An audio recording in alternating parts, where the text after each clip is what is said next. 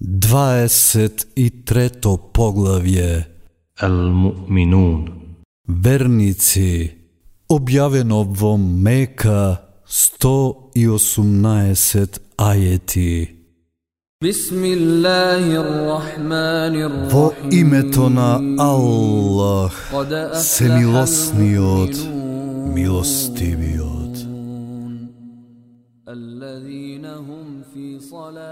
Успешни се верниците, тие кои во своите намази се понизни и кои лоши одговор го одбегнуваат и кои зекат даваат и кои срамните места свој ги чуваат, освен од жените своји или тие кои се нивна собственост, тие на вистина прекор не заслужуваат, а тие што и покрај тоа бараат, тие во злото сосема претеруваат, и кои за доверените аманети и обврски свои се грижат, и кои намазите свои на време ги извршуваат, тие се достојни наследници, кои Фирдеусот ке го наследат, тие во него вечно ке престојуваат.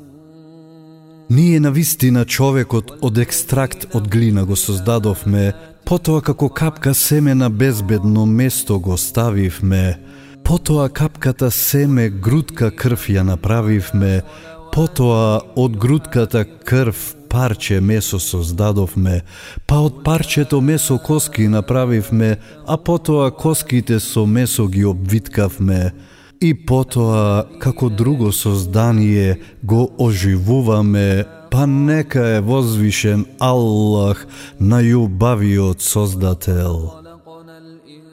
Вие потоа ке умрете, потоа на оној свет оживеани ке бидете. Ние седум небеса над вас создадовме и ние не сме немарни кон тоа што го создадовме.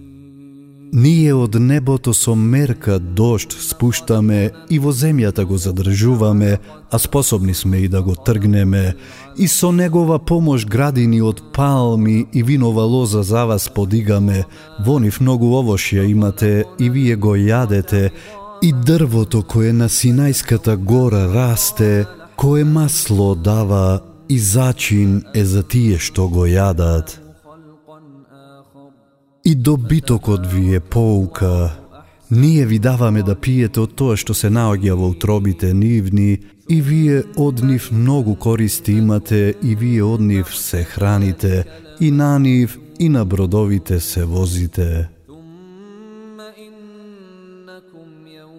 Ние го испративме нух на народот негов, и тој велеше – О, народе мој, само Аллах обожувајте го. Вие друг Бог освен Него немате, зарем не се плашите? Но главешините на народот Негов, кои не веруваа, велеа. Ова е човек, како и вие, само сака да е поугледен од вас. Да сакаше Аллах мелеци ке испратеше, вакво нешто не смечуле од нашите дамнешни предци. Тој е луд човек, па пуштете го некое време. Господару мој, рече тој, помогни ми, тие залагаме обвинуваат, па ние му објавивме. Брод пред очите наши и според објавата наша гради, па кога заповедта наша ке дојде и водата на површината од земјата ке избие, ти во неа натовари од секој вид по два, мажјак и женка, и семејството свое, но не и тие од нив за кои предходеше зборот, и не ми се обраќај за насилниците, бидејќи на вистина ќе бидат потопени. Па кога ќе се сместиш во бродот, ти и тие што се со тебе, кажи Му благодарам на Аллах, кој не спаси од народот насилнички, и кажи Господару мој, закотви ме на благословено место, ти тоа најдобро го знаеш. Во тоа се навистина поуки, а ние навистина станавме во искушение. По нив други поколенија создававме и еден од нив како пратеник им го испративме. Само Аллах обожувајте го, вие друг Бог освен Него немате, зарем не се плашите. Но главешините од народот негов, кои не верува, кои не ги дека на оној свет ке бидат оживеани и на кои им дадовме во животот на овој свет раскошно да живеат, говореа Тој е човек како и вие, го јаде тоа што и вие го јадете и го пие тоа што и вие го пиете. И ако му се покорувате на човек како што сте и вие, сигурно ќе бидете изгубени. Зарем тој вам да ви ветува дека откако ќе умрете и земја и коски ќе станете, на вистина оживеани ќе бидете. Далеку е, далеку е тоа што ви се ветува. Постои само животот на овој свет, ние живееме и умираме, а оживеани нема да бидеме. Тој е човек кој за Аллах изнесува лаги и ние не му веруваме. Господару мој, ке замолеше тој, помогни ми, тие залагаме обвинуваат. Тие наскоро ке се покајат, ке одговореше тој. И заслужено ке ги погодеше страшен глас, и ние ке ги направевме како што е речниот нанос, па далеку нека е народот насилнички. А потоа по нив други поколенија создававме, ниту еден народ не може да го забрза, ниту да го успори времето на пропаста своја, и пратеници едни по други праќавме. Кога и да им дојдеше пратеникот на некој народ, залага го обвинуваа И ние поради тоа едни со други ги сменувавме и само во приказните за нив споменот го сочувавме, далеку нека се луѓето што не веруваа. Потоа го пративме Муса и брат му Харун со знаците наши и со очигледен доказ на фараонот и главешините негови, но тие се возгордеаја, тоа беа луѓе надмени. Зарем да им поверуваме на двајцата кои се исти како и ние, а луѓето нивни се робови наши, говореа, и нив двајца за лажговци ги прогласија, па поради тоа беа уништени. На Муса потоа книга му дадовме за синовите Израилови по вистинскиот пат да одат – И синот Мериемин и мајката негова доказ за луѓето ги сторивме. Ние нив на една височинка со проточна вода ги сместивме. О пратеници, со дозволени и убави јадења хранете се и добри дела правете, бидејќи јас добро знам вие што правите. Ова ваша вера е една вера, а јас сум ваш господар, па плашете се од мене. А тие попрашањата од верата своја се разделија на групи, секоја група радосна со тоа што го исповеда, затоа остави ги овие во заблудата нивна уште некое време. Мислат ли тие, кога со имот и со синови им помагаме, дека брзаме некое добро дело да им направиме? Никако, но тие не забележуваат. Тие кои со стравопочит од Господарот свој стравуваат, и тие кои во доказите на Господарот свој веруваат, и тие кои здруженици на Господарот свој не му припишуваат, и тие кои даваат од тоа што им се дава, а срцата им се полни од страв затоа што ќе му се вратат на својот Господар, тие итаат да прават добри дела и во нив другите ги надминуваат. Ние никого не оптоваруваме преку неговите можности. Кај нас е книгата која вистината ја говори и на никого неправда нема да му се стори. но срцата нивни се невнимателни кон ова, а покрај тоа и лоши дела постојано прават. А кога на мака ги ставивме тие од нив, кој раскошен живот живееја, тие веднаш се жалеа.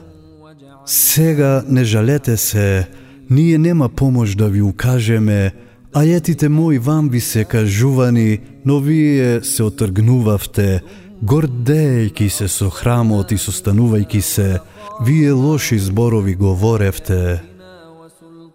Зошто тие не размислат за Куранот? Зарем им доаѓа нешто што не им доаѓало на нивните древни предци? Или не го познаваат пратеникот свој, па затоа го негираат, или велат, лудилото е при него, Меѓутоа, тој вистината им ја донесува, но повеќето од нив вистината ја презираат. Да се води Аллах според нивните страсти, сигурно ќе го снемаше поредокот на небесата и на земјата и во тоа што е на нив.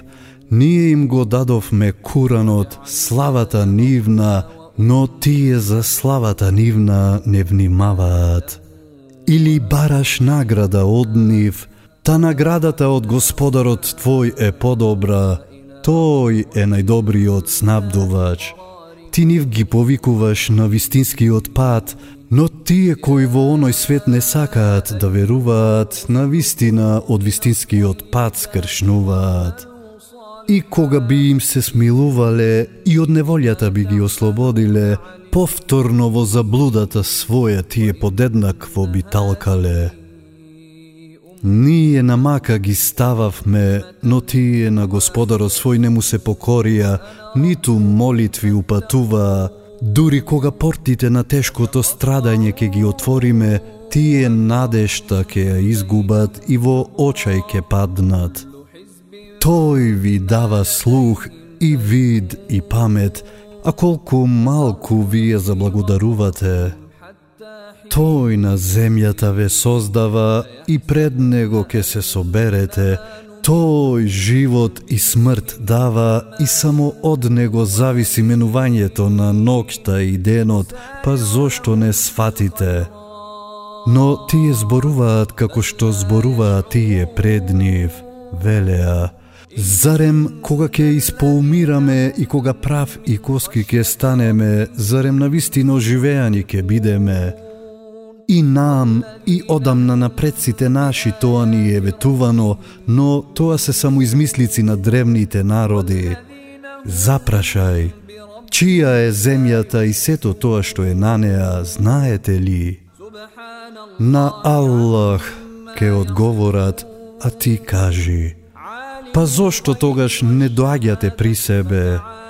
Запрашај, Кој е господарот на седумте небеса и кој е господарот на аршот величествен? Аллах ке одговорат, а ти кажи, па зошто тогаш не се плашите? Запрашај, во чија рака е власта над се, а тој зема во заштита и од кого никој не може да биде заштитен, знаете ли? Тоа е Аллахово, ке одговорат, а ти кажи. Па зошто тогаш дозволувате да бидете заведени? Да, ние вистината им ја доставуваме, а тие се на вистина лажговци. Аллах не сизел себе си син, и со него нема друг Бог, Инаку, секој Бог со тоа што го создал ке правел што сака и еден со друг ке се победувале. Возвишен нека е Аллах, кој е далеку од тоа што тие го изнесуваат, кој го знае и невидливиот и видливиот свет, и тој е многу високо над тие кои му ги здружуваат. Кажи, Господару мој, Ако сакаш да ми го покажеш тоа со што на нив им се заканува, тогаш, Господару мој, не оставај ме со народот насилнички.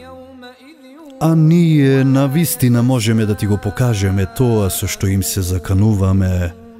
Ти со добро возврати му на злото Ние добро знаеме што изнесуваат тие и кажи Јас тебе, Господару мој, ти се обраќам за заштита од шејтанските дошепнувања и тебе, Господару мој, ти се обраќам да ме заштитиш од нивното присуство.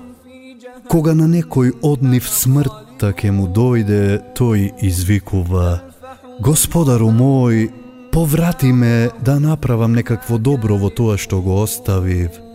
Никогаш. Тоа се зборови кои тој залудно ке ги говори, пред нив препрека ќе има се до денот кога ќе бидат оживеани. Па кога во рогот ќе се дувне, тогаш роднински врски меѓу нив нема да има и меѓусебно нема ништо да се прашаат. Тие чии што добри дела ќе бидат потешки, тие ќе се спасат, а тие чии што добри дела ќе бидат лесни, тие сосема ќе бидат изгубени. Во джехеннемот вечно ке престојуваат, огнот лицата ке им ги гори и со исклештени заби во него ке бидат. Зарем моите ајети не ви се кажувани, а вие ги негиравте? Господару наш, ке речат, нашите страсти беа посилни од нас, па станавме заталкан народ.